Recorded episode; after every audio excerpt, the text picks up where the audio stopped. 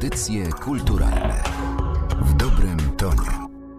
Przy mikrofonie Martyna Matwiejuk. Gościem audycji kulturalnych jest dziś śpiewak operowy, pan Tomasz Konieczny. Witam pana serdecznie. Witam państwa, witam panią serdecznie. Okazją do naszego spotkania jest niedawna premiera płyty Between Death and Love, wydanej w koprodukcji z Narodowym Centrum Kultury. Album nagrany z pianistą Lechem Napierałą. Nie jest to pierwsza płyta w takim duecie, nie jest to też pierwsza płyta z recitalem pieśniarskim, ale chyba pana debiut fonograficzny, jeśli chodzi o kompozytorów rosyjskich. Co było powodem, dla którego sięgnął pan po twórczość Rachmaninowa i Musorskiego? To jest bardzo ciekawe pytanie i takie dość zasadnicze, jeżeli chodzi o moją karierę czy, czy nasz, naszą historię występów kameralnych z pianistą Lechem Napierałą. Otóż y, Lech Napierała zwrócił się do mnie 7 lat temu za pośrednictwem maila. Obaj mieszkaliśmy w Wiedniu wówczas. Ja miałem spektakle w Operze Wiedeńskiej, natomiast Lech Napierała jest Wiedeńczykiem i tam też y, mieszka wraz z rodziną. I Lech zwrócił się wówczas do mnie z zapytaniem, czy nie chciałbym z nim występować, y, czy nie chcielibyśmy zrobić czegoś razem. Ja się oczywiście bardzo ucieszyłem z tej propozycji, zgodziłem się natychmiast w zasadzie. Umówiliśmy się dosłownie chyba tego samego dnia jeszcze na jakąś kawę w kawiarni obok Opery Wiedeńskiej i zaczęliśmy sobie dyskutować, co to mogłoby być, jakie utwory byłyby najlepsze, co powinniśmy na początku przygotować. I myśmy przygotowali taki program, który był programem, no takim, można powiedzieć, programem marzeń, jeżeli chodzi o moją osobę. Myśmy przygotowali wtedy właśnie romanse Rachmaninowa plus trzy pieśni cerkiewne z repertuaru Fiodora Szalapina, czyli to, co znajduje się właśnie na tej płycie. I przygotowaliśmy drugi y, człon tego, tego recitalu, naszego pierwszego recitalu, który był złożony z pieśni Straussa. Tego Rachmaninowa i część również złożoną z polskich pieśni, bo też zaczęliśmy pracować nad sonetami miłosnymi Berda przy tej okazji. Wykonaliśmy zaraz potem, wydaje mi się, parę miesięcy dosłownie po fakcie naszego spotkania w krakowskiej filharmonii. To było bardzo miłe spotkanie z tamtejszą publicznością, aczkolwiek nie było zbyt wiele ludzi. Pamiętam, że, że występowaliśmy na scenie w poprzek tej sceny Filharmonii Krakowskiej, ale to był właśnie ten pierwszy jakby nasz program, czyli Rachmaninow był, jest takim kluczowym programem. Potem no tak się złożyło, że pan dyrektor Stanisław Leszczyński zaproponował nam, mi nagranie podróży zimowej Barańczaka do, do muzyki Franza Schuberta, czyli takiej nowej wersji Winterreise. Myśmy się do tego zapalili. Lechu może mniej na początku, ja, ja no, jestem otwarty na rozmaite eksperymentalne propozycje i rzeczywiście chętnie się tym zająłem.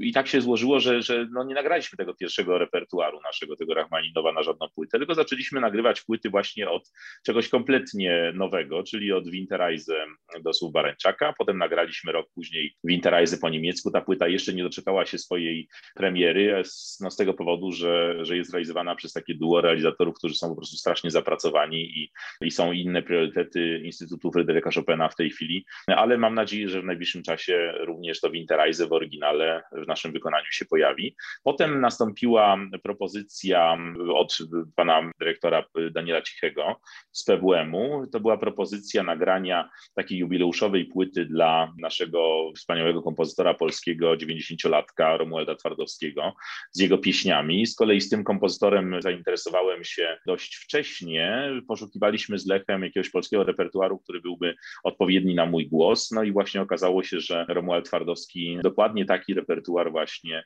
pisał dla bas barytona. Czyli to była ta nasza trzecia płyta. No i potem pomyśleliśmy sobie, no teraz w czasie pandemii mamy czas, możemy przygotowywać, możemy sporo ćwiczyć. Robiliśmy to w Wiedniu, spotykaliśmy się codziennie, przygotowywaliśmy tego Rachmaninowa, przygotowaliśmy dodatkowo pieśni Tańce Śmierci Musorskiego. To jest taki z kolei następny cykl, który charakteryzuje się tym, że jest wykonywany właśnie przez głosy niskie, dramatyczne. Czyli to była taka oczywista konsekwencja mojej drogi wokalnej, że się tym cyklem pieśni zainteresowałem. Zresztą wykonywałem ten właśnie cykl pieśni Tańce Śmierci Musorskiego, wykonywałem również z kilkoma orkiestrami już w swoim życiu. Dlatego, że coś tak śmiesznie składa, że Musorski pisał wszystko na fortepian, prawda? I to potem dopiero było orkiestrowane, to dotyczy również Borysa Godunowa. No i między innymi właśnie tych pieśni y, i tańcy śmierci, które w zasadzie już tej wersji fortepianowej słychać, że Mussorski miał na myśli orkiestrę, że, że tam gdzieś powinna być orkiestra. Kilka razy zdarzyło mi się to wykonać, no i w naturalnej konsekwencji chciałem również również przygotować ten cykl z pianistą, z którym współpracuję. Okres pandemii sprzyjał próbom, sprzyjał temu, że, że tego czasu było trochę więcej. We wrześniu, w sierpniu w zasadzie 2020 roku poszukiwaliśmy wraz z Lechem Napierałą sali, w której moglibyśmy ten repertuar nagrać. Myśmy byli w zasadzie gotowi do nagrania po tych wszystkich naszych ćwiczeniach. Dysponowaliśmy również swoim sprzętem, więc ewentualnie myśleliśmy o tym, żeby nagrywać to własnym sumptem, ale to zawsze byłby jakiś kompromis, ktoś musiałby to jednak nad tym nagraniem czuwać i tak dalej. No i to jest sala, przede wszystkim sala, sala i fortepian, prawda?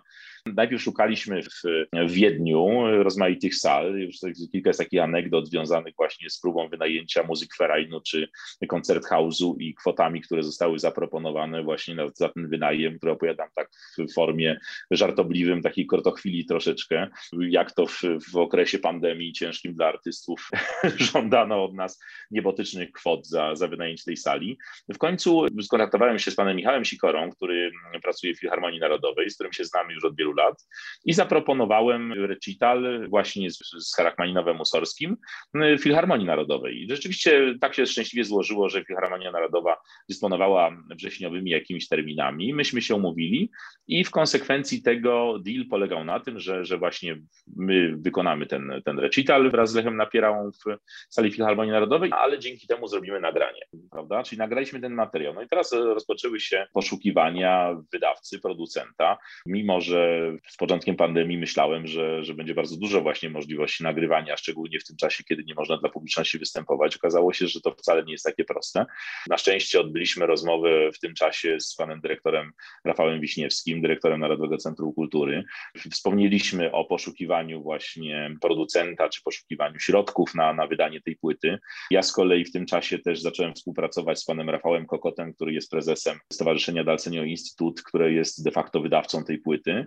Natomiast płyta powstała ze środków Narodowego Centrum Kultury i tutaj jestem szczególnie dyrektorowi Wiśniewskiemu wdzięczny za, za pochylenie się nad tym materiałem i za zaufanie mi i za to, że, że ta płyta mogła ukazać się w takim kształcie, w jakim myśmy sobie ją wymarzyli. Tutaj dużą rolę w tym całym wydawnictwie odgrywa również postać pana Adama Dudka, artysty medialnego, który zaprojektował naszą okładkę. Mnie bardzo zależało na tym, żeby na okładce płyty nie było, tak jak to się przeważnie robi, zdjęć wykonawców, tylko żebyśmy właśnie w jakiś inny sposób nawiązywali do rosyjskiej tradycji, czy do właśnie pojęcia i, i, i śmierci, i miłości, żeby jakoś to można było razem połączyć właśnie w tej grafice, w tej wizualizacji. I pan Adam Dudek bardzo pięknie rzeczywiście tę okładkę zaprojektował, także to się bardzo szczęśliwie złożyło. My jesteśmy bardzo zadowoleni, że taka płyta się ukazała. To jest pierwsza płyta, którą w zasadzie wydaliśmy no nie na zamówienie czyjeś, tylko właśnie z własnej, z własnej inicjatywy.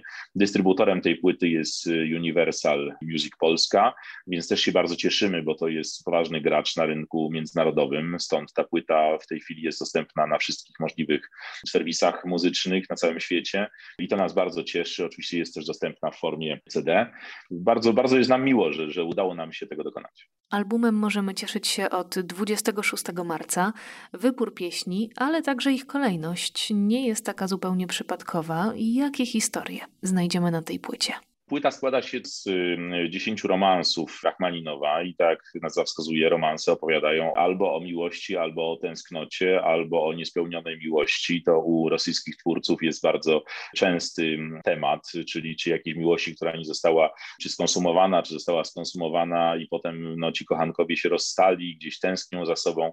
To są pieśni wybrane, to nie są pieśni z jednego konkretnego cyklu. One są wybrane pod kątem indywidualnych potrzeb i mojego głosu, i moich również również no, inklinacji, tak jak ja sobie to wyobrażałem, czy jest to wybór. Dlatego też ja nazywam tę płytę troszeczkę płytą z repertuarem czekoladowym. Tak mówił o tym mój nauczyciel śpiewu, że, że właśnie no, należy znaleźć ten swój czekoladowy repertuar, który się bardzo lubi śpiewać, który dobrze w głosie leży i to, to właśnie tak, tak z tą płytą troszeczkę jest.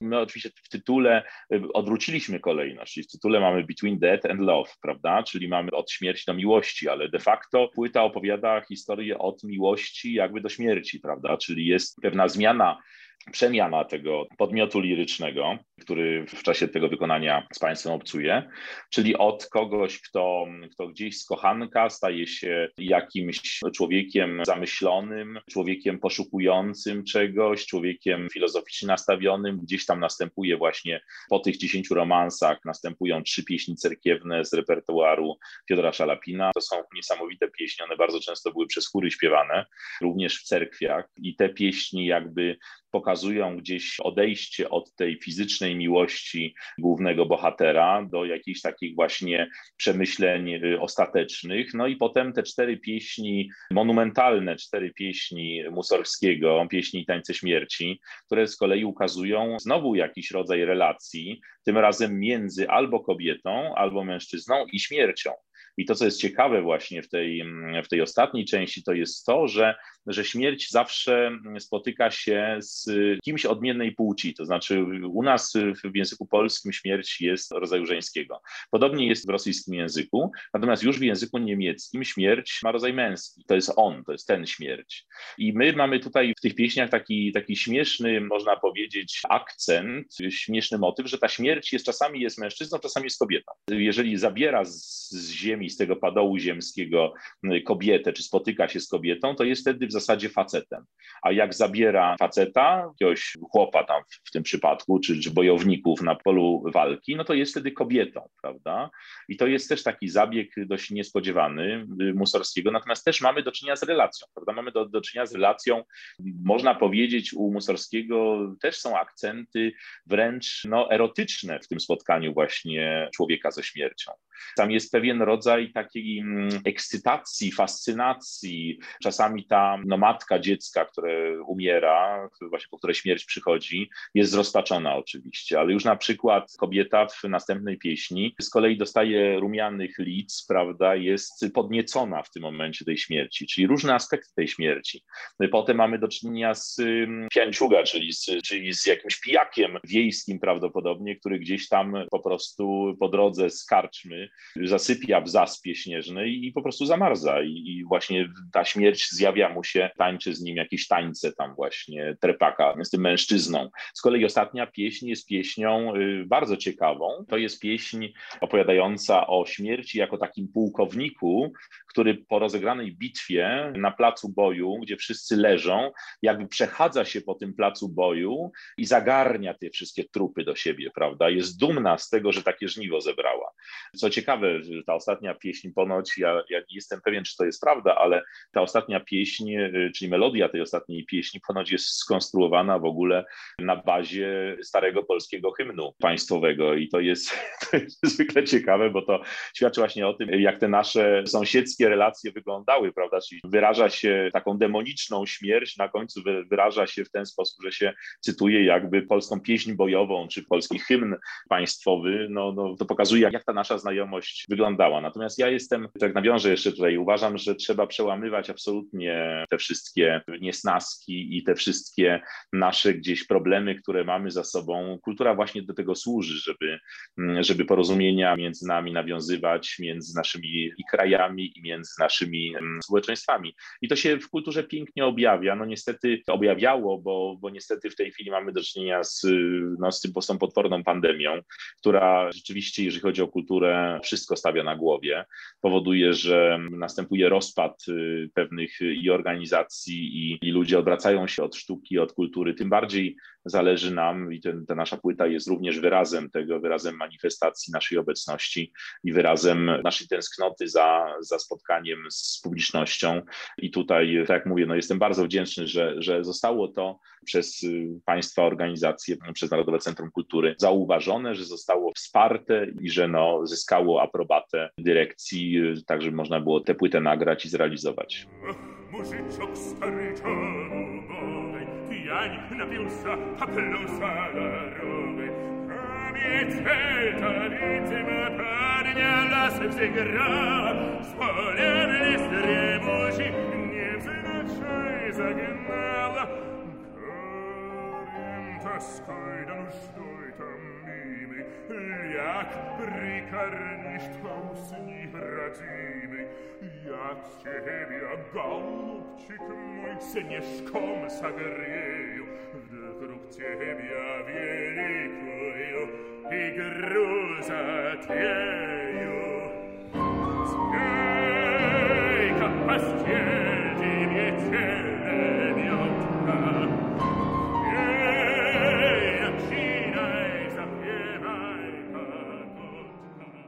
Zastanawiam się też nad samą formą pieśni w Pana repertuarze, śpiewaka operowego.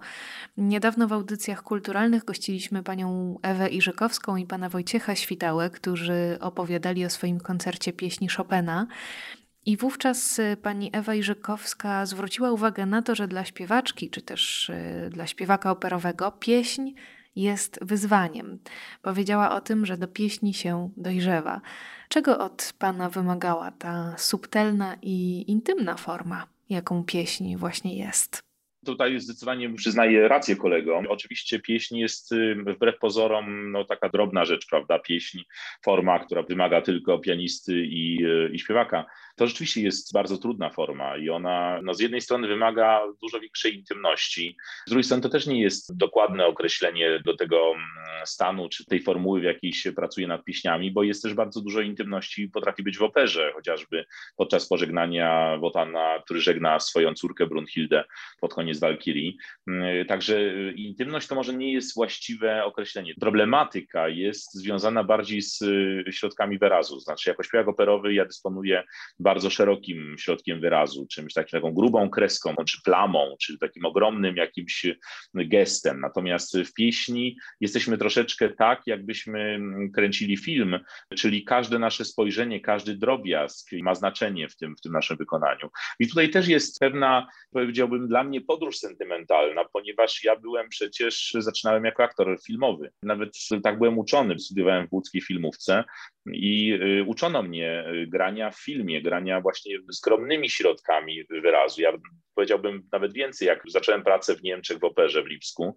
Wówczas przez parę ładnych lat zmagałem się bardzo z tym, że głos był ogromny, wyraz tego głosu był ogromny, a moje środki wyrazu były drobne, czyli ja ruszałem palcami na przykład blisko, czy wzrokiem próbowałem coś robić. Natomiast nie, w operze musi być szeroki gest. No i tutaj ten powrót, czy to zajęcie się liryką wokalną, to jest taki powrót troszeczkę do korzeni, prawda, do, do pewnej takiej skromności. Też pieśniarstwo uczy bardzo dokładności. Myśmy w zasadzie zrobili taki eksperyment z Lechem Napierałą w czasie pandemii. W połowie gdzieś kwietnia czy na początku maja tamtego roku zakupiliśmy trochę sprzętu nagrywającego i zaczęliśmy się nagrywać. Ja do tej pory nie cierpiałem moich nagrań. Muszę powiedzieć, że jestem no, jednym ze śpiewaków, którzy pewnych swoich nagrań operowych, które wcześniej powstały, nigdy nie wysłuchał. No, chociażby Ringu pod, pod Markiem Janowskim nigdy w całości tego nagrania nie wysłuchałem. Mm, są nagrania, których słuchałem, ale, ale większości prawdopodobnie nie. Bo się po prostu wstydziłem, no, nie, nie podobało mi się to, nie byłem jakby fanem tego sportu, czyli nagrywania.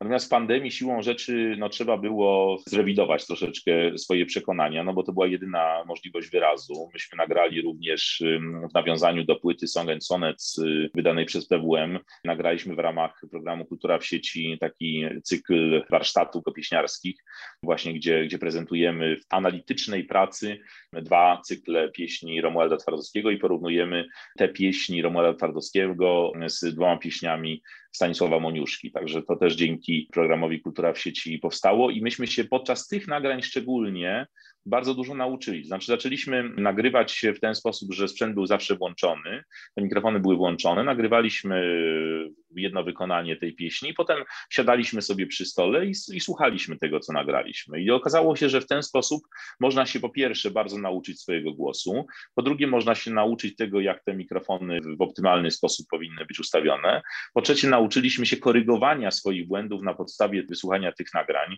co okazało się ogromnym skrótem jakby w pracy. Znaczy mogliśmy dużo więcej dokonać w ten sposób, niż po prostu korygując siebie nawzajem, nie odsłuchując siebie.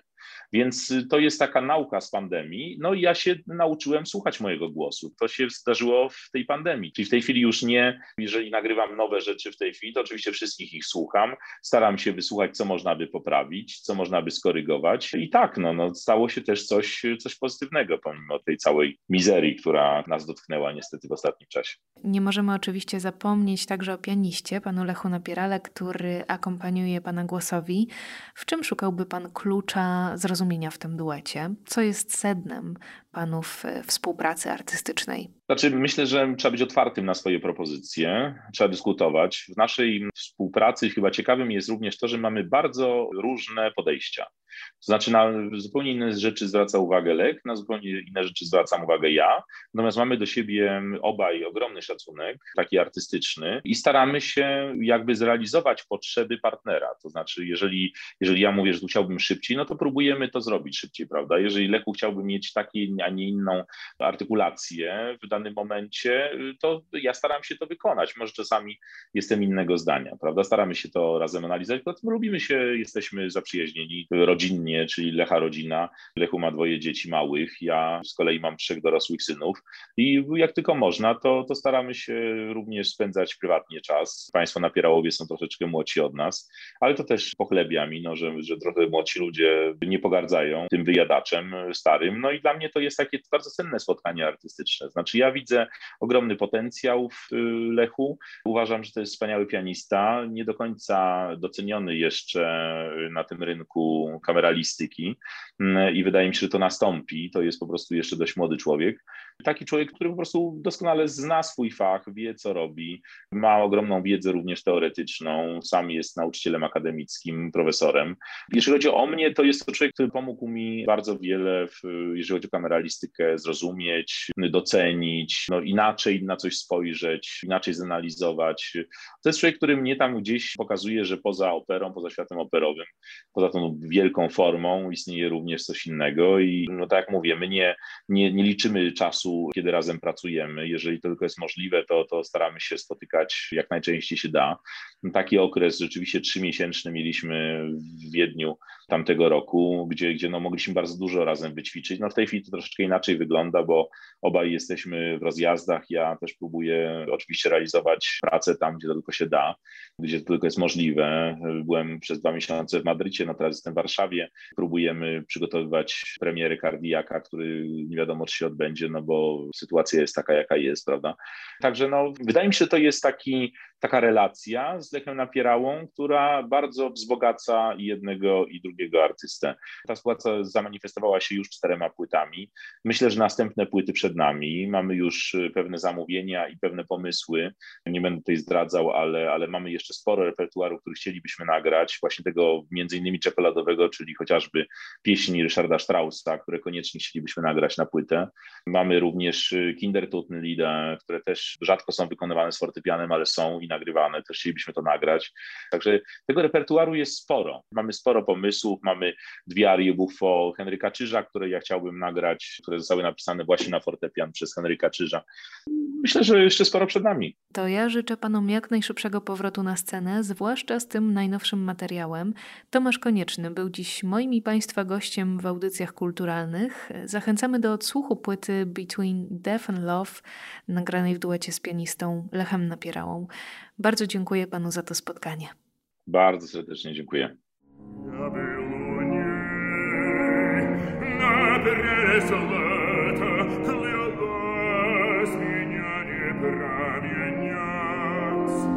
Как мне страстью белец, меня любить,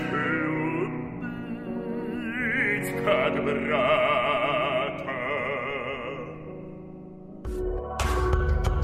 Audycje kulturalne w dobrym tonie.